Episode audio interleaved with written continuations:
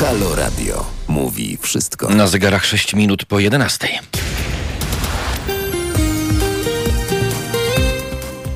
No to mamy, proszę Państwa, yy, dzisiaj poniedziałek.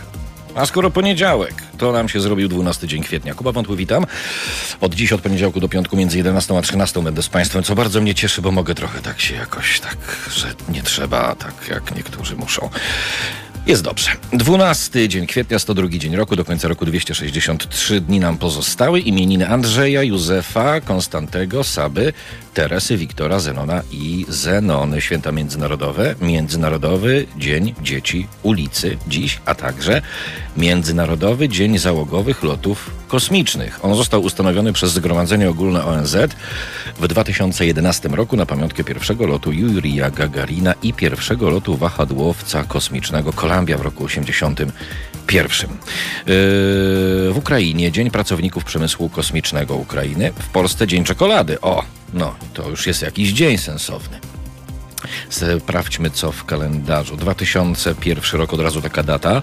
E, Sejm RP uchwalił nową ordynację wyborczą do Sejmu i Senatu. Niewiele to zmieniło. Mm, w tym samym e, roku i tego samego dnia w Warszawie został zastrzelony były minister sportu Jacek Dębski. Ale będzie pozytywnie, o tym za chwilę. Teraz małpahalo.radio. Zachęcam Państwa do kontaktu z nami. Mm, no i także, żeby nie być absolutnie gołosłownym, to muszę powiedzieć, że wreszcie się stało to, co się miało stać, czyli mm, większość naszych słuchaczy, bo w większości Państwa nas słuchacie, macie z nami kontakt. SMS pod numer 7148 o treści halo. i treść Waszego SMS-a, czyli najpierw zaczynamy od halo. i potem piszecie Państwo, co chcecie, pod 7148 Koszt SMS-a złotówka plus 23% e, VAT-u. A teraz zaglądamy do naszej dzisiejszej przedpołudniowej, a właściwie około, około południowej agendy. E, czyli mamy sytuację taką. E, zaczynamy, ale podsumujmy. Ponad tysiąc osób na pogrzebie Krzysztofa Krawczyka, ponad 10 tysięcy motocyklistów na Jasnej Górze. Tymczasem tempo umierania w Polsce przyspiesza, liczba zgonów prawie najwyższa na świecie. I ci, którzy brali udział w pogrzebie Krzysztofa Krawczyka i ci, którzy byli wczoraj, e, bo to było w niedzielę na Jasnej Górze, rzeczywiście sprzyjają temu tempu, mimo że sami w większości wypadków nie umrą, to jednak istnieje takie, takie prawdopodobieństwo, że po drodze zdążą kogoś, przepraszam, zdążą kogoś zarazić. Nie, ja jeszcze nie jestem chory. Po prostu tak to bywa, kiedy się szybko mówi. A więc o tempie umierania w Polsce i liczbie zgonów, prawie najwyższej na świecie, już o 11.15 z doktorem nauk medycznych Michałem Bulsą, przewodniczącym Komisji do Spraw Młodych Lekarzy Naczelnej Rady Lekarskiej mm, o godzinie 11.30. Rzeczniczka Ogólnopolskiego Związku Zawodowego Pielęgniarek i Położnych, pani Iwona Borchulska. Minister zdrowia twierdzi, że dogadał się z medykami. A medycy mówią, chyba sobie minister z nas jaja robi, bo medycy twierdzą, e, że nikt z nimi się nie dogadywał, a już z pewnością nie minister. Który to minister, też Państwu tak e, powiem porą przedpołudniową, twierdzi, że no już w okolicach wakacji to wszystko będzie w porządku, a po wakacjach to już rok szkolny normalnie będzie działać. Tymczasem yy, górka trzeciej fali pandemii rośnie.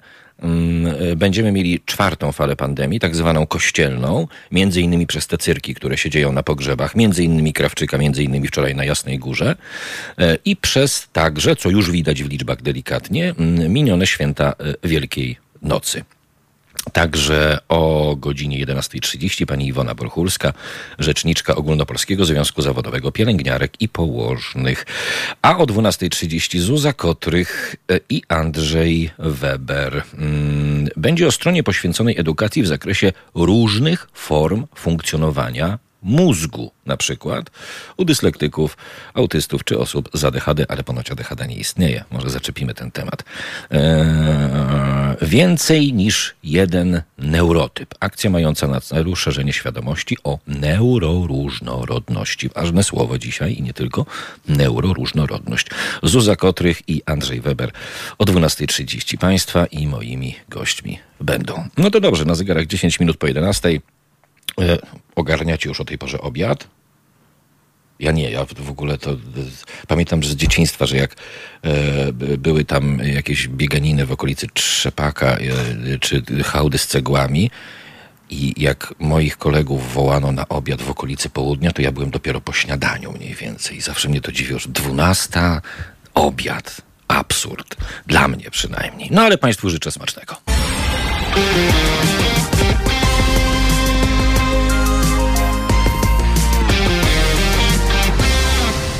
16 minut po godzinie 11. Dzisiaj poniedziałek, a więc o 9.50 już Państwo mogliście wysłuchać felietonu doktora Przemysława Witkowskiego. O 12.50 będzie felieton lekarza Bartosza Fiałka. To jeden z dwóch lekarzy, który na skutek szerzenia prawdziwych informacji na temat COVID-19 i skali zakażeń i umieralności e, w opinii czynników wyższych w swojej branży, czyli e, Rady Lekarskiej, ma być pozbawiony prawa do wykonywania zawodu. Stalinizm i faszyzm w jednym, proszę Państwa. Felieton doktora Bartosza Fiałka o 12.50. O 14.50 felieton Igora Isejewa, dziennikarza i publicysty ukraińskiego, który mieszka i pracuje w Polsce. O 16.50 felieton Jarosława Gugały, a od 18.50 powtarzamy oczywiście felietony, więc będzie szansa znowu na e, usłyszenie doktora Przemysława Witkowskiego. To jest Halo Dzień. A ja witam Państwa i mojego mm, gościa, doktora nauk medycznych Michała Bulsę. Dzień dobry, panie doktorze. Dzień dobry pana, dzień dobry słuchaczom. Witam serdecznie. Jest pan przewodniczącym Komisji do Spraw Młodych Lekarzy Naczelnej Rady Lekarskiej. E, tysiąc osób na pogrzebie Krzysztofa Krawczyka. Ponad 10 tysięcy motocyklistów wczoraj pod Jasną e, Górą. E, bardzo duży odsetek e, ręka w rękę obok siebie bez maseczek. To jest głupota, nieodpowiedzialność. Co to jest pana zdaniem? To jest bardzo trudne pytanie, bo chyba w języku polskim nie ma słowa, które by mogło określać takie zachowania. No, trudno komentować nawet e, te liczby, które pan powiedział. No, e, jesteśmy w szczycie trzeciej fali pandemii. Widać, że szpitale są zapychane e, osobami, które ciężko chorują. System opieki zdrowotnej no, nie jest w stanie sobie poradzić z taką ilością chorych, nawet tu pomijając niedobory kadrowe, ale nawet takie infrastrukturalne chociażby jak, do, jak instalacji tlenowych, to co chwilę gdzieś dochodzą informacje, że jak te instalacje tlenowe no po prostu nie były do tego przystosowane, bo nikt się nie spodziewał takiej e, tragedii. No to nie wiem, czy te osoby pragną, żeby, no może one same nie umrą, bo może są to młode osoby, natomiast no jeżeli to będą osoby, y, ich dziadkowie, ten, no ja, ja naprawdę sam w rodzinie widuję i chronię swoich y, dziadków, żeby, broń Boże, się z kimś nie widziały. No dla mnie to jest przykre, że z własnymi dziadka, z własnym dziadkiem nie widziałem się prawie rok, tylko wszystko przez telefon, no ale to po to, żeby go chronić. No ale no, no niektórzy widać mają swój pomysł na życie. Tempo umierania w Polsce przyspiesza, liczba zgonów prawie najwyższa na świecie. A yy, wychodzi jegomość o nazwisku Duda, który zwołał Radę Gabinetową chyba tylko po to, żeby przypomnieć o swoim nędznym istnieniu i mówi, że właściwie wszystko jest pod kontrolą. Wtóruje yy, mu premier Mateusz Morawiecki. To już jest kompletny absurd, bo pamiętamy Morawieckiego, który przed wyborami tylko po to, żeby seniorów wypchnąć do urn, mówił, że już jest bezpiecznie, że pandemia wygasa. E, teraz też zaczyna pan premier bawić się w teksty, mm, że idzie ku dobremu i wszystko jest pod kontrolą. Wie pan co, nie będę pana pytać skąd to wynika, tylko y, może inne pytanie. Czy działania świadomych lekarzy, świadomych medyków, świadomych autorytetów y, w dziedzinie medycyny to nie jest y, takie wołanie na puszczy albo dyskusja ze ścianą? Bo z jednej strony mamy w kraju przepotężny odsetek ludzi kompletnie odrealnionych, nieodpowiedzialnych, którzy jak czapla łykają wszystko, co mówią media reżimowe do spółki z instytucją Kościoła katolickiego katolickiego, który w głębokim poważaniu ma pandemię e, i zasady, do których należy się stosować. E, no a z drugiej strony mamy mniejszość w waszej postaci i mniejszość, podejrzewam, dookoła, która zdaje sobie sprawę z realnego niebezpieczeństwa. Może musimy przejść tę trzecią a za chwilę porozmawiamy też o czwartej fali, i zanotować ten najwyższy rzeczywiście na świecie odsetek umieralności. Może to jest nie do uniknięcia. Znaczy, panie redaktorze, no jako lekarz nie mogę zgodzić się, że możemy mm, sobie tak pozwolić, żeby ludzie umierali. E, nie jest winą kogoś, że e, przychodzi aktualnie chorobę nowotworową. Nie jest winą kogoś, że musi być z jakichś innych przyczyn, załóżmy na terapii immunosupresyjnej i przez to ma, ma osłabioną odporność. To naprawdę nie jest winą e, zazwyczaj tych ludzi, którzy też są w podeszłym wieku, że są starzy. Należy się tym osobom ochrona i my powinniśmy jako no, cywilizowane społeczeństwo im to zapewnić. Panie doktorze, Ja, wejdę w słowo. e, Przepraszam, nie jesteśmy cywilizowanym społeczeństwem. To w ogóle, to, to, to, nie, idźmy, nie idźmy w tę stronę, bo my nie, mam, my nie mamy wiele Znaczy, wspólnego. Ja mówię, co i ja mówię, co powinno być, panie redaktorze, a Okej. nie co jest, bo faktycznie e, sam jestem osobą wierzącą i, i nawet jak byłem w kościele, to widzę, że to zachowanie dystansu, e, jeżeli ktoś chce, to zachowa. Natomiast ja osobiście uważam, że nie powinno się aktualnie dopuszczać do e, sytuacji, żeby ci wierni się gromadzili powinni, no, ja po prostu widzę, że nikt tego nie sprawdza i to jest według mnie najbardziej karygodne, że do takiej sytuacji dochodzi w ogóle. No mówię, czasami musimy też zachowywać się niestety tak prewencyjnie i ja wiem, że załóżmy, ja na święta Wielkiej Nocy nie byłem w kościele, bo uznałem, że to już byłaby naprawdę ekstremalna głupota, żeby się przejść e, w taką gęszcz ludzi, prawda? No to, to, to, jest, to, to, to nie jest normalne i trzeba po prostu sobie odpowiedzieć, że mm, musimy czasami przed y, niektórymi osobami chronić inne. No i to tutaj państwo polskie nie zdaje swojego egzaminu ku niestety zdziwieniu, bo tak jak pan mówi, no eksperci medyczni mówią wyraźnie, co należy robić. Niestety rząd robi y, swoje. Rząd to z jednej strony, no, podam może totalny absurd, żeby radiosłuchacze go zrozumieli. Rząd z jednej strony mówi, że nie ma medyków, dlatego e, prosi każdego medyka, żeby szedł do szpitala. Z drugiej strony rząd, czyli minister zdrowia może podjąć decyzję, żeby odwołać część ustną egzaminu, państwowego egzaminu specjalizacyjnego i pozwolić tym ludziom wrócić do pracy. Co robi rząd? Nie odwołuje tej, tej, części egzaminów, natomiast, a z drugiej strony powołuje studentów medycyny, którzy nie zastąpią tych lekarzy z co najmniej 5-6-letnim doświadczeniem zawodowym. No panie redaktorze, słowo, że to jest jakiś kuriozum, jakiś nowoczesny, nieznany na świecie sposób zarządzania pandemią i armią medyków, no to, to my to już wiemy, tylko najbardziej jestem pod wrażeniem, że e, ktoś jeszcze ma pomysły takie, coś takiego realizować. No. Ale chyba nie powinien być pan zdziwiony, bo ja nie jestem zdziwiony. Przerażony tak, ale nie jestem zdziwiony. Kościół katolicki stanowi w Polsce realną nadwładzę i proszę zauważyć, że Kościół był jedyną instytucją, e, do której minister Niedzielski poszedł, e, pertraktować z nią, czy ewentualnie te kościoły mogłyby być zamknięte. Innych branż w ogóle o to nie pytano. W związku z czym mamy taką sytuację, kiedy Kościół na widok ministra Niedzielskiego roboczo mówi spieprzaj pan po prostu, nie mamy o czym rozmawiać. Dlaczego? Bo najważniejsze są pieniądze, między innymi z tej tacy. A w konsekwencji, jak pojawią się pieniądze z tacy, to za jakiś czas pojawią się też pieniądze z pogrzebów. W takim kraju niestety, funkcjo- w takim kraju niestety funkcjonujemy, drogi panie.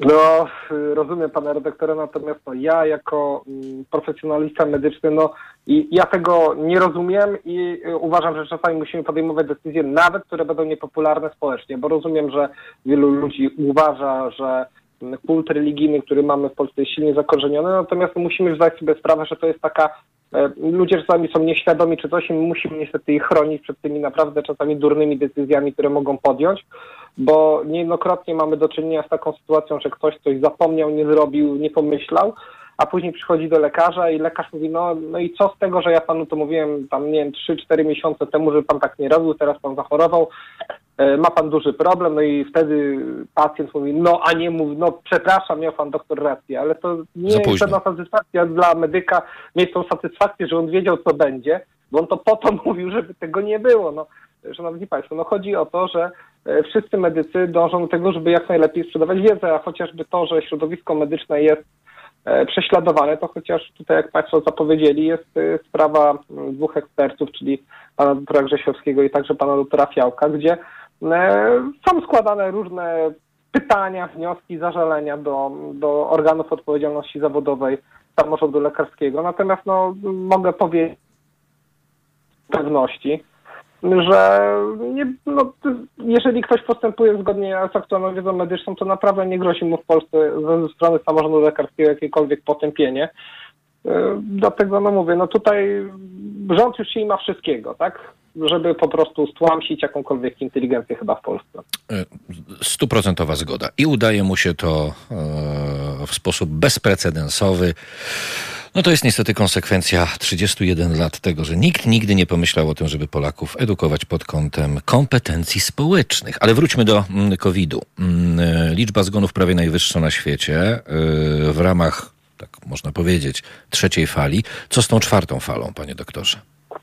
Znaczy, no ja chciałbym wierzyć w to, że ta czwarta fala nie nadejdzie, ponieważ no chociażby z zapowiedzi rządu, no oczywiście one już kilkukrotnie zostały zmienione, e, no w końcu zaszczepimy się wszyscy i nie będzie straszenia też tutaj duży apel do mediów, żeby nie straszyć naprawdę szczepionkami ludzi, no bo dochodzimy do takich trochę kuriozów czasami, e, bo są osoby, które przekazują tą wiedzę w bardzo uporządkowany sposób i pokazują, że doszło szczepionka AstraZeneca jest całkowicie bezpieczną szczepionką i naprawdę prędzej umrzemy z innych przyczyn niż z powikłania po tej, po tej przeszczepionce.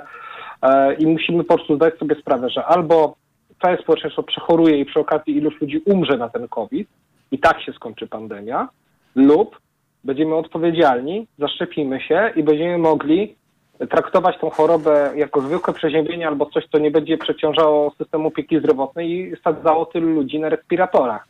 Wiesz, nikt by z COVID-u nie zrobił nie wiadomo jaką chorobę w sytuacji, kiedy no, oddziały intensywnej terapii nie przekształciły się w oddziały czysto covidowe. I ja bym chciał, żeby tej czwartej fali nie było, a to niestety zależy tylko i wyłącznie od nas, czy i od rządu, jak przeprowadzić jak najszybciej skalę szczepień. No tutaj wzorami z tego, co widzę, no to z jednej strony jest Izrael, ale do niego to chyba nigdy nie, nie uda się nam doścignąć, a drugim wzorem, no to się wydają koledzy Węgrzy, więc może weź, weźmy przykład z naszych przyjaciół Węgrów, y, tak politycznie przyjaznych ostatnio, żebyśmy jednak no, skopiowali ich ich postępowanie i dzięki temu szybciej się wyszczepili. Doktor nauk medycznych Michał Bulsa, przewodniczący Komisji do Spraw Młodych Lekarzy Naczelnej Rady Lekarskiej. Doktorze, dziękuję pięknie za tę rozmowę i za to, co pan, pana koleżanki i pana koledzy robicie. I mówię to bardzo poważnie. Dziękuję pięknie. Dziękuję bardzo, dziękuję słuchaczom, do widzenia. Do usłyszenia. Na zegarach 27 minut po godzinie 11, e, proszę Państwa, to tylko zapowiem, że już za moment dosłownie Kolejny nasz y, gość przedpołudniowy, póki co mm, jeszcze, a właściwie goście, bo będziemy rozmawiać z Iwoną Borchulską i y, później, później, ale nie, to już później. To na razie Iwona Borchulska, rzeczniczka Ogólnopolskiego Związku Zawodowego Pielęgniarek i Położnych i cały czas wokół tematu y, zdrowia publicznego, a raczej sytuacji tych, którzy mm, to zdrowie powinni nam zapewniać, czyli medyków, lekarzy, personelu, bo minister zdrowia twierdzi, że dogadał się z medykami. A medycy mówią, kaktus im rośnie na dłoni, biorąc pod uwagę takie hasło. 28 minut po 11. No to mamy na zegarach, proszę Państwa, 4,5 minuty po wpół do 12 w poniedziałek. E, przenosimy się do minionej środy na chwilę, bo dwie równoległe konferencje odbyły się w minioną środę, podczas gdy minister zdrowia mówił, że pielęgniarki dostały gigantyczne podwyżki. Te równolegle dementowały tę informację. E, z kolei lekarze, którzy od roku pracują na granicy wytrzymałości, od lipca mają dostać 19 zł brutto podwyżki. To de facto realna podwyżka. No i o tym swoistym niezrozumieniu z panią Iwoną Borchulską, teraz porozmawiam, rzeczniczką Ogólnopolskiego Związku Zawodowego Pielęgniarek i Położnych. Dzień dobry pani Iwono, witam serdecznie. Dzień dobry, witam pana, witam państwa. No to co, minister zdrowia twierdzi, że się dogadał z medykami, a medycy mówią, że się nie dogadał. Proszę zwrócić uwagę, po, że po ostatnim spotkaniu komisji zespołu przy Komisji Trójstronnej e, wydano takie oświadczenie. Pani przewodnicząca mówiła, że już na tym spotkaniu mówiono o zmianie tego, co teraz ustalono.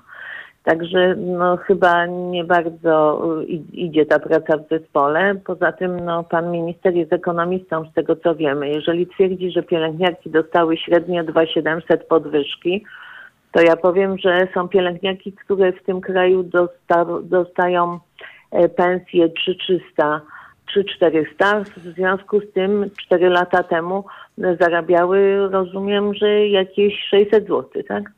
No jakoś tak. No jakoś tak wyszło panu ministrowi, więc gdzieś tu chyba jest jakiś problem. No i co dalej będzie, skoro minister zostaje przy swoim, że wszystko jest załatwione, a medycy no, rozkładają ręce i mówią, chyba mamy do czynienia z y, powielaniem nieprawdy. Jakie dalsze kroki? No my na razie na Dzień Światowy Pracownika Służby Zdrowia zrobiliśmy mm, protest w formie konferencji, bo wiemy w jakim czasie jesteśmy. Zastosowaliśmy się do wymogów sanepidu. Była niewielka grupa, żeby dać sygnał, że się y, nie zgadzamy i y, tutaj też pan minister minął się z prawdą, bo w tym samym czasie na konferencji oświadczył, że wszyscy y, na tym gremium się zgodzili. To jest nieprawdą, bo y, Forum Związków Zawodowych po spotkaniach y, zgłosiło zdanie od, od, odrębne, więc jeżeli jest zdanie odrębne, no to chyba nie ma y, tutaj mowy o tym, że się wszyscy zgodzili, bo w takim zespole funkcjonują trzy centrale związkowe, Solidarność, OPZZ i Forum Związków Zawodowych, który, jak powtarzam, zgłosił zdanie odrębne, bo nie zgadzamy się na te wyliczenia które podaje pan minister. Poza tym bardzo y, myślę, że po to, żeby był taki odbiór medialny, pan minister y, określa duże wynagrodzenia w grupie y, pielęgniarek, które mają tytuł magistra ze specjalizacją i rzeczywiście to jest najwyższy wskaźnik, który w, tym, w tej ustawie jest wskazany, tylko chciałabym tu zwrócić uwagę, że to jest 10 tysięcy pielęgniarek w tym kraju, a gdzie cała reszta, mm, które e, liczą ponad 200 tysięcy. Pytanie chyba pozostanie bez odpowiedzi na tym etapie, mówiąc szczerze, jak tak pani słucha. No myślę, że tak, że tak. E, no jak wie pan, my się już przyzwyczailiśmy do tego, że od wielu lat mówi się o tym, że E, w służbie zdrowia czy w ochronie zdrowia, jak kto chce, jest tak dobrze, a szczególnie w gremium pielęgniarek, no to w tej chwili ten nieszczęsny czas związany z COVID-em pokazał, jak jest rzeczywiście w kwestii pielęgniarek. E, mamy e, mało kadry, mamy bałagan w systemie, no i niestety to widać, tak? Zawsze byliśmy na tak zwanym minimum zatrudnienia, które w dużej ilości placówek jeszcze nie były spełniane. No w tej chwili popowstawały y, szpitale tymczasowe. Jeszcze się tą ilość koleżanek i kolegów ogranicza w szpitalach, gdzie y, powinno się leczyć chorych poza covidowych, ale niestety już właściwie wszystkie szpitale mają Y, chorych na COVID. No i ten, ten nieszczęsne minimum jeszcze zostało podzielone na mm, dodatkowe placówki. Ludzie pracują w ogromnej ilości godzin, w ogromnym napięciu psychicznym i no, z ogromnymi niedoborami kadr. A pamięta pani, to był chyba 2016 albo 2017 rok, kiedy któryś z tych pisowskich gangsterów politycznych yy, powiedział, yy, jak chcecie wyjeżdżać, to wyjeżdżajcie. No to pani poseł y, powiedziała, to akurat powiedziała do lekarzy, no my nie mamy problemów z, z, y, chęcią przyjęcia nas do pracy w innych krajach. Szkoda tylko, że tak, taki y, kraj mm, jak nasz, niebogaty, szkoli kadry medyczne, które są bardzo mile widziane w krajach ościennych i innych. Także no, powiem, że cóż mamy powiedzieć, skoro od właściwie 2000 roku, ja pamiętam, że tylko protestujemy, mówimy o problemach i nikt nas poważnie nie traktuje. No i epidemia pokazała. I pokaże jeszcze, niestety. Pani Iwona Borchulska, rzeczniczka... Ja myślę, że pokaże. Niestety. Ogólnopolskiego Związku Zawodowego Pielęgniarek i Położnych. Y, y, pani Iwono, pięknie dziękuję y, za to, co Pani robicie, bo jesteście słowo może nieadekwatne, ale innymi nie przychodzi do głowy, potwornie ważne w tym systemie i przepotwornie niedoceniane. Nie tylko przez rząd PiSu, ale to się ciągnie od bardzo, bardzo, bardzo wielu lat. Także ja dziękuję pięknie. Tak. Chciałabym, żeby wszyscy w to uwierzyli. I zaczęli wyciągać wnioski. Dziękuję bardzo Wszystkiego, koleżanek. wszystkiego dobrego Pani Iwono. Kłaniam się nisko. Na zegarach, proszę Państwa, 20 minut do godziny e, 12. Pani Iwona Borchulska, rzeczniczka Ogólnopolskiego Związku Zawodowego Pielęgniarek i Położnych była Państwa i moją gościnią. A już po 12. e, Zuza Kotrych i Andrzej Weber. Neuroróżnorodni będzie o projekcie, stronie poświęconej edukacji w zakresie różnych form funkcjonowania mózgu u dyslektyków, e, autystów czy osób z ADHD. Jeśli chodzi o funkcjonowanie mózgu, to oczywiście mamy tutaj e, problemy w naszym kraju. E, Po pierwsze reżim pisowski, po drugie większość polityków opozycji, no a po trzecie e, rzeczywiście banda debili i mówię to z pełną odpowiedzialnością. Tysiąc osób na pogrzebie Krawczyka, 10 tysięcy wczoraj na Jasnej Górze. To są dopiero problemy z funkcjonowaniem mózgu, chociaż mówiąc o tych ludziach mam wrażenie, że tam jest po prostu cegła zamiast głowy. A cegłą trochę trudniej się myśli i cegłą nie można być empatycznym w takiej sytuacji, bo jeśli samemu chce się zachorować, to jedno, E, ale za sobą można na łóżko szpitalne, a w konsekwencji do grobu pociągnąć też zupełnie innych, niewinnych, nawet obcych ludzi. Ale to idiotom, którzy mają cegły w głowie, czyli tym, którzy byli na pogrzebie Krawczyka i tym, którzy byli na Jasnej Górze, no niestety przyjść do tej cegły, bo nie do głowy, nie może. 18,5 minuty do 12.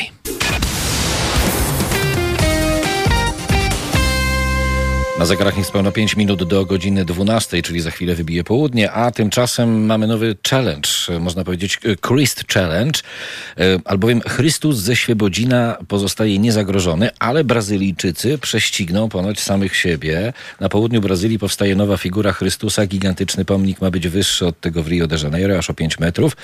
Jednak i tak wciąż będzie mniejszy od Chrystusa ze Świebodzina. Ale Brazylijczycy idą krok dalej, bo zamierzają zainstalować w środku windę do tarasu widokowego, a mówiliśmy, kiedy powstawał pomnik Chrystusa ze Świebodzina, e, że y, nie tylko w środku powinna być winda, schody dla tych, którzy chcą chodzić piechotą w ramach jakiejś pokuty, ale również w głowie powinna być e, restauracja i najdroższe stoliki powinny być w takich wielkich oknach, które to okna byłyby oczami Chrystusa ze Świebodzina. Niestety nigdy nie wzięto naszego zdania pod uwagę, no stąd też pomnik jest taką martwicą, podczas kiedy ten nowy w Brazylii będzie pełen ludzi w samym środku Chrystusa. Halo Radio. Mówi wszystko. 5,5 minuty po 12. No to w samo południe teraz Państwa witamy i to, y, skoro 12 minęła, to 12 dzień kwietnia dodatkowo. 102 dzień roku, jak rudy. Do końca roku pozostało 263 dni imieniny Andrzeja, Damiana, Juliusza, Konstantego, Saby, Teresy, Wiktora, Zenona i Zenony. Wszystkiego dobrego od nas wszystkich. Święta międzynarodowe, Międzynarodowy Dzień Dzieci Ulicy oraz Międzynarodowy Dzień Załogowych Lotów Kosmicznych. To święto zostało ustanowione przez Zgromadzenie Ogólne ONZ w 2011 roku na pamiątkę pierwszego lotu Jurija Gagarina i pierwszego lotu wahadłowca kosmicznego Columbia w roku 81. W Ukrainie Dzień Pracowników Przemysłu Kosmicznego, Ukrainy oczywiście, a w Polsce Dzień Czekolady. Gdzie ta czekolada? Gdzie ta czekolada w ogóle? E, Patrzymy w kalendarz. E, Rok 1926 Józef Konstanty mm, Karasiński został przewodniczącym ZHP w roku 82. Premiera filmu Znachor w reżyserii Jerzego Hoffmana. W tym samym dniu i w tym samym roku w Warszawie rozpoczęło nadawanie podziemne Radio Solidarność. Później po 89 roku przekształcone w do dziś istniejące Radio SK. I to S, proszę Państwa, wzięło się, ta SK wzięła się od S, czyli od Solidarności. Właśnie. Dla tych, którzy nie wiedzą. Rok 91 podpisano akt założycielski Warszawskiej Giełdy Papierów Wartościowych. W tym samym roku i tego samego dnia premiera filmu Pogrzeb Kartofla w reżyserii Jana Jakuba Kolskiego. W 2001 Sejm RP uchwalił nową ordynację wyborczą do Sejmu i Senatu. Numer telefonu nasz niezmienny 22 39 059 22, mail teraz małpahalo.radio i przede wszystkim możecie Państwo wysyłać do nas SMS-y o treści halo. i potem treść SMS-a pod numer 7148, koszt złotówka plus 23% VAT. Halo. treść SMS-a i pod numer 7148. Dobrze, zaglądamy do naszej już teraz popołudniowej agendy o 12.30 Zuza Kotrych i Andrzej Weber, neuroróżnorodni. Będzie o stronie internetowej poświęconej edukacji w zakresie różnych form funkcjonowania mózgu u dyslektyków, autystyków czy osób z ADHD. Przyświeca nam idea więcej niż jeden neurotyp. Ta akcja ma na celu szerzenie świadomości o neuroróżnorodności. Zuza Kotrych i Andrzej Weber o 12.30 Państwa i moimi gośćmi będą. E, co do form funkcjonowania mózgu, pamiętajmy o tym, że jeśli mamy mózg i chcemy się nim podlansować, to pamiętajmy o tym, żeby się nie gromadzić, na przykład na pogrzebach, na przykład w kościołach, e, żeby mając motocykl nie jeździć na Jasną Górę w towarzystwie innych 10 tysięcy motocyklistów, bo będziemy wtedy wychodzić na kompletnych intelektualnych wałów. 9 minut po 12. Halo Radio. Mówi wszystko. 19 minut po godzinie 12. Program jest już popołudniowy, ale poniedziałkowy. Proszę Państwa, wiemy, że rządzi nami półmózgi pisowski reżim. To już wszystko wiemy. Mamy świadomość e, tego, że pozycję, którą zbudowali sobie w Polsce faszyści i nacjonaliści, mm, e, to oni budowę tej pozycji nie, nie zawdzięczają żadnym prawackim e, mediom i mikromediom, tylko zawdzięczają w większości liberalnym mediom, które do dziś poprzez zapraszanie do różnych programów promują różnego typu indywidua. To jest brak odpowiedzialności odpowiedzialności społecznej i o tym wiemy. Ale e, wiemy również, że po no, tak y, mówi się, bo inaczej powiedzieć nie można. Po drugiej stronie też jest całe mnóstwo idiotów. I była taka sytuacja e, cztery dni temu, jak dobrze pamiętam, przypominam Państwu, bo nie wszyscy pewnie o tym wiedzą, że młoda lewica postanowiła porozmawiać y, z Leszkiem Balcerowiczem i zaprosiła na tę rozmowę w taki sposób. Już dzisiaj rzecznik prasowy młodej lewicy, ktoś tam, to nieistotne, skonfrontuje Leszka B., Mengelego polskiej gospodarki, odpowiedzialnego za hekatombę 1990 roku. I dwie sprawy. E, będąc gówniarzem z Młodej Lewicy, porównanie Balcerowicza do zbrodniarza, jakim był Mengele, no to już w ogóle słów na to absolutnie nie ma. Ale zrobiono to, e, tę zapowiedź e, skonstruowano i ta zapowiedź pojawiła się w dniu Yom HaShoah, czyli w dniu pamięci ofiar Holokaustu. A więc mamy dwie rzeczy, bo nawet gdyby to nie był Dzień Pamięci Ofiar Holokaustu, czyli Yom HaShoah, to samo porównanie kogokolwiek bo to nie jest kwestia Balcerowicza, kogokolwiek do zbrodniarza, jakim był Józef Mengele, no to jest pokazanie, że kompletnie nie kuma się rzeczywistości, ma się siano w głowie i jest się po prostu zwykłym bydlakiem. Czyli nadaje się, już będąc bardzo e, młodymi ludźmi, nadają się ci ludzie do polskiej polityki, ponieważ pozwalają sobie na to, na co pozwalają sobie ludzie, którzy w tej polityce w wersji senioralnej, mówiąc delikatnie, wobec nich funkcjonują. Przykład e, Pawłowicz, która e, przekroczyła mm, kolejną granicę poprzez poprzez hejtowanie niewinnego dziesięcioletniego dziecka w przestrzeni e, internetowej. A przypomnę Państwu, że to hejtowanie dotyczyło tego, iż e, rodzice zażyczyli sobie od szkoły, a szkoła e, temu przyklasnęła, bo nie widziała problemu, żeby zwracać się do dziecka z, z imienia, które nie odpowiada jego biologicznej płci. Mają do tego prawo, młody ma do tego prawo, w związku z czym nie było problemu. Problem, biorę to w cudzysłów, zauważyła e, Pawłowicz, e, sędzia tak zwanego Trybunału Konstytucyjnego i ona potem za to przepraszała. Nie wiem, czy Państwo pamiętacie. Ale już z kolei e, media nie podchwyciły tego, że Pawłowicz nie przepraszała za to, co zrobiła, tylko dostała ultimatum od Twittera, polegające na tym, że albo jej wpis zniknie, albo jej konto nie zostanie przywrócone. No i ten wpis usunęła, dorabiając do tego przeprosiny, tylko po to, żeby odzyskać konto. To jest poziom zbydlęcenia nieprawdopodobny, hejtowanie niewinnego dziecka. Ale powróćmy do e, kwestii tej e, młodej lewicy. No więc zrobiła się e, zupełnie słuszna burza. No bo jakim trzeba być intelektualnym memłonem, żeby kogokolwiek porównywać do zbrodniarza, jakim był Józef Mengele. I teraz najlepsze, bo należałoby powiedzieć przepraszam, ale żeby powiedzieć przepraszam, to trzeba umieć powiedzieć przepraszam. Tymczasem zabrakło kochones y, młodej lewicy i to, co odwalili, a co Państwu za chwilę odtworzymy, z przeprosinami ma niewiele wspólnego, ale jednocześnie jest z tego pewien wniosek.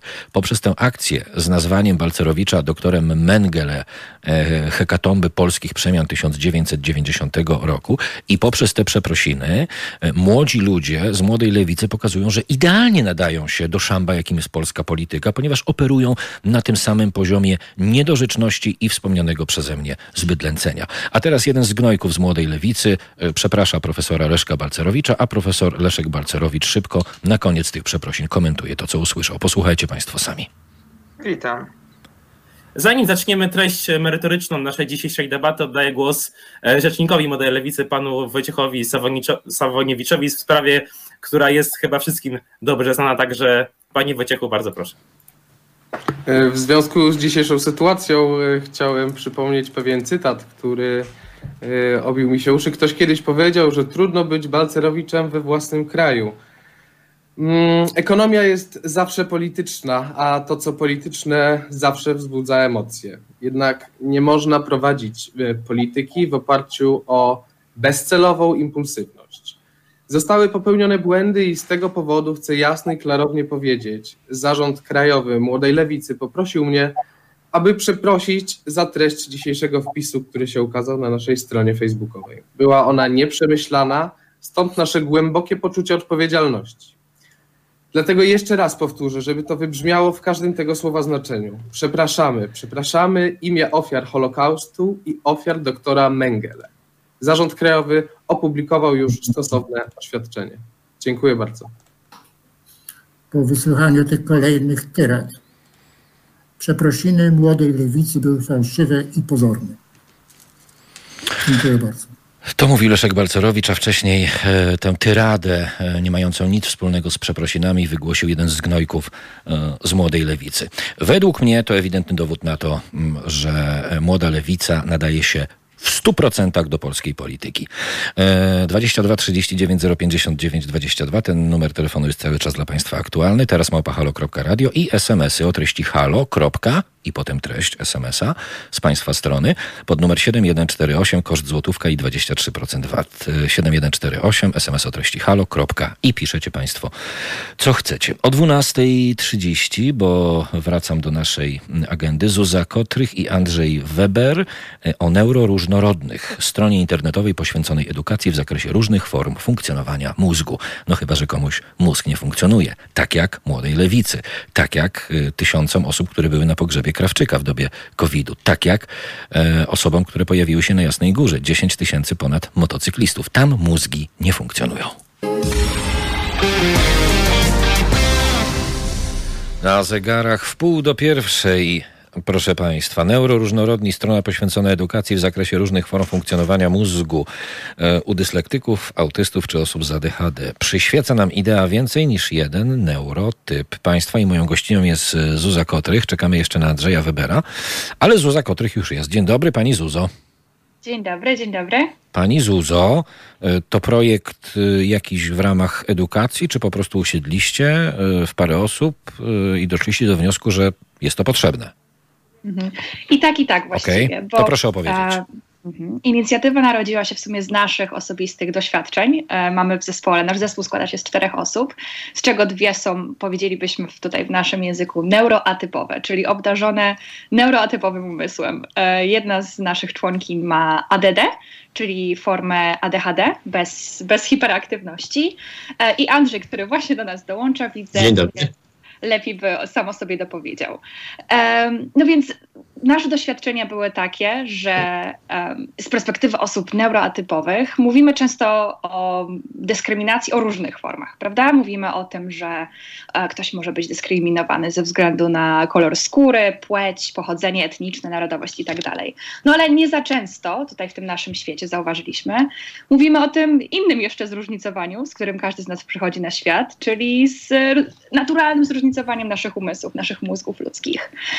Um, trochę tak bliżej, e, bliżej ziemi. E, problem był taki, że na uczelni jedna z naszych założycielek nie mogła się doprosić o, o, dostosowania ze strony swojej uczelni. No nie chciała dalej kontynuować naukę, jest mega przyzdolną dziewczyną. E, uczelnia nie wyraziła takiej chęci. E, spotkały potem różne nieprzyjemności. No więc usiedliśmy faktycznie, tak jak pan wspomniał, razem i mówimy sobie, no kurczę, coś przecież tak nie może dalej być. Co, co z tym można zrobić? E, zauważyliśmy szereg no, takich problemów systemowych, e, czyli takich legislacyjnych, e, tego jak prawo nie chroni osób neuroatypowych czy niepełnosprawnych w ogóle od odpowiednio, ale stwierdziliśmy, że zaczniemy może od, od, od czegoś trochę łatwiejszego, od szerzenia świadomości.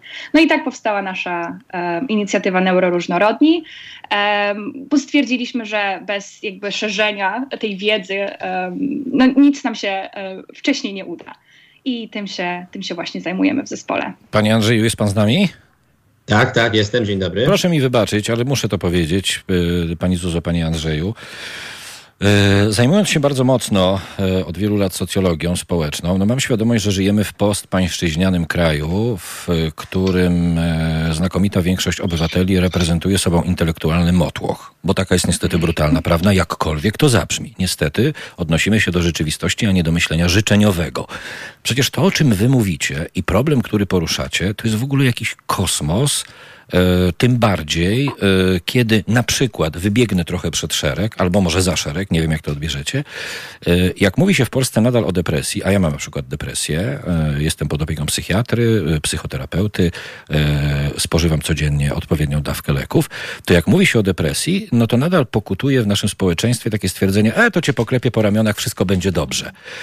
A wy drążycie jeszcze głębiej w tematyce jeszcze bardziej Przecież proces edukacyjny w takiej materii obliczony jest na dziesiątki lat. To znaczy, że rozpoczynacie coś i będzie to trwało dziesiątki lat?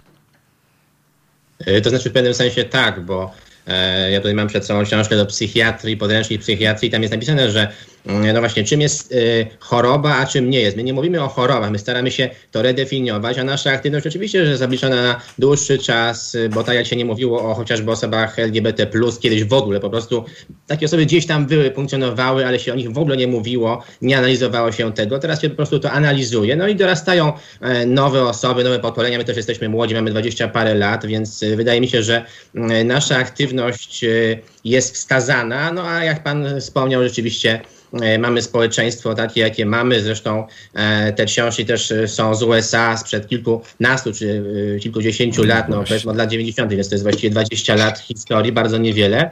E, więc tak, no, wydaje się, że, że powinniśmy edukować o depresji, też już się teraz wiele mówi. E, ja rozmawiałem z Kingą Reichel, e, psycholog znaną w zeszłym miesiącu i mówiliśmy wtedy też, że w tym roku ten dzień światowy depresji był wyjątkowo poruszany nawet wśród moich znajomych, starszych osób z rodziny, które no, może nie depresjonują, ale bagatelizują wszelakie choroby psychiczne, czy w ogóle tę sferę człowieka, że aha, chory, no to tam zostawmy go, a w ogóle już nie myślą właśnie o spektrum autyzmu, bo to też jest ważne, że nie mówimy o autyzmie, tylko bardziej o spektrum autyzmu. Tak mhm. Tak też będzie e, w klasyfikacji ICD najnowszej w przyszłym roku już ujęte. E, nie będzie zespołu Aspergera, nie będzie takich diagnoz, będzie tylko spektrum autyzmu. Tak można to powiedzieć. W każdym razie, e, tak, no już przechodząc do, do, do końca tej wypowiedzi, myślę, że oczywiście, że jest to działalność na lata, natomiast warto o tym mówić i tak jak widzę właśnie z tym dniem depresji, że coraz więcej osób dostrzega problem, coraz więcej osób rozumie,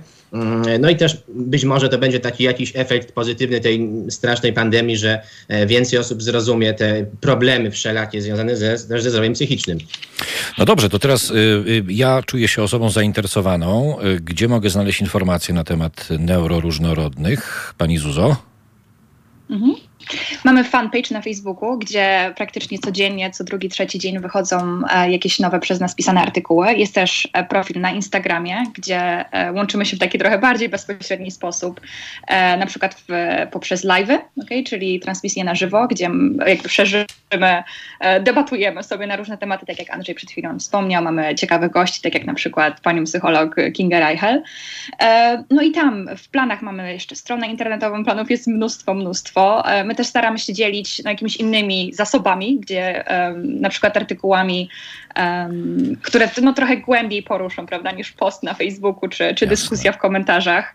Um, więc z tym także staramy się dzielić. No ale to jest taki pierwszy, myślę, pierwszy e, punkt styczności z tym tematem dla kogoś, kto jest zainteresowany.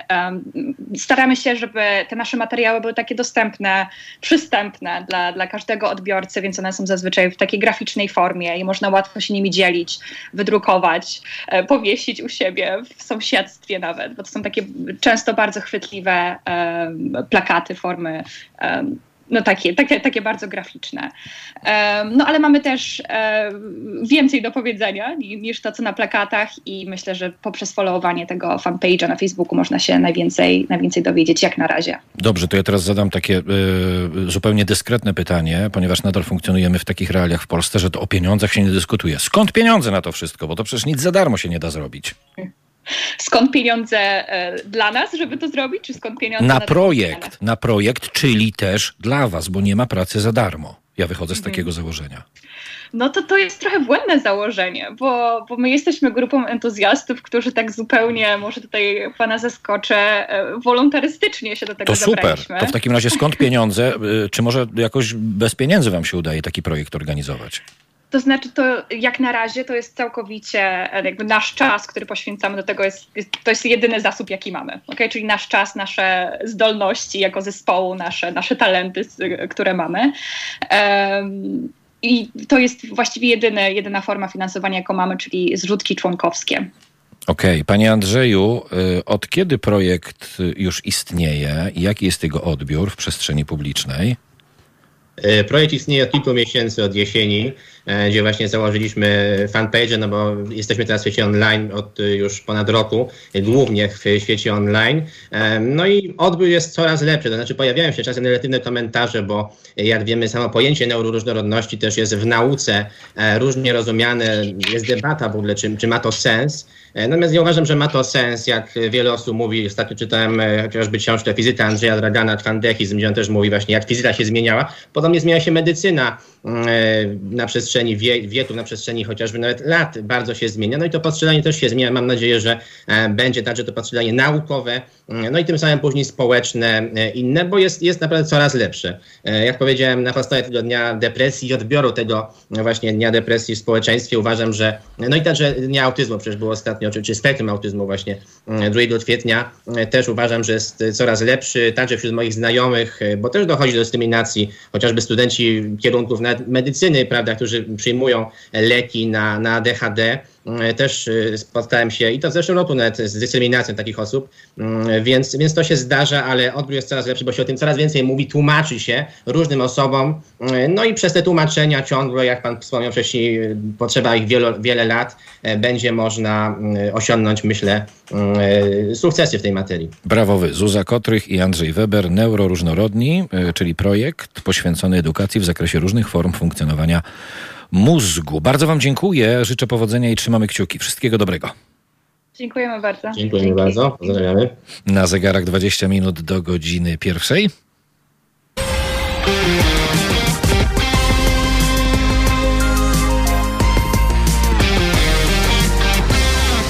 18 minut do godziny pierwszej powoli będę się z Państwem żegnać. Do jutra, do 11, ale zanim to jeszcze słów kilka e, odnośnie pewnej sytuacji, która wzbudziła moje zainteresowanie, aczkolwiek nie jestem zdziwiony. Polityczna flanela, czyli Paweł Kukiz po raz kolejny odniósł się do tematu swojej potencjalnej współpracy z partią Jarkacza. Nie zapisałem się do PiS i nie zamierzam, e, tak powiedziała flanela, po czym dodała, że interesuje go e, handel ustawa za ustawę spis. Mam nadzieję, że tak to będzie wyglądało. Nie zamierzam przystępować do Zjednoczonej Prawicy. Była propozycja poważnego stanowiska dla jednego z członków naszego koła. Odmówił. Mamy osiągnąć cel w postaci uchwalenia naszych ustaw. Jeśli Kaczyński będzie wymagał za dużo, to będę musiał zapomnieć o swoich ustawach. E, póki co mm, e, polityczna flanela zamierza poprzeć kandydata Prawa i Sprawiedliwości w czasie nadchodzącego głosowania w sprawie wyboru nowego Rzecznika Praw Obywatelskich. E, wybór faceta, który kandyduje z ramienia Prawa i Sprawiedliwości, to będzie zakończenie prac tak naprawdę na stanowisku Rzecznika e, Praw Obywatelskich. Już nie samego Adama Bodnara, tylko kogokolwiek, bo to już nie będzie miało nic wspólnego z byciem Rzecznikiem Praw Obywatelskich, kiedy jest się taką zakutą pałą jak kandydat Prawa i Sprawiedliwości.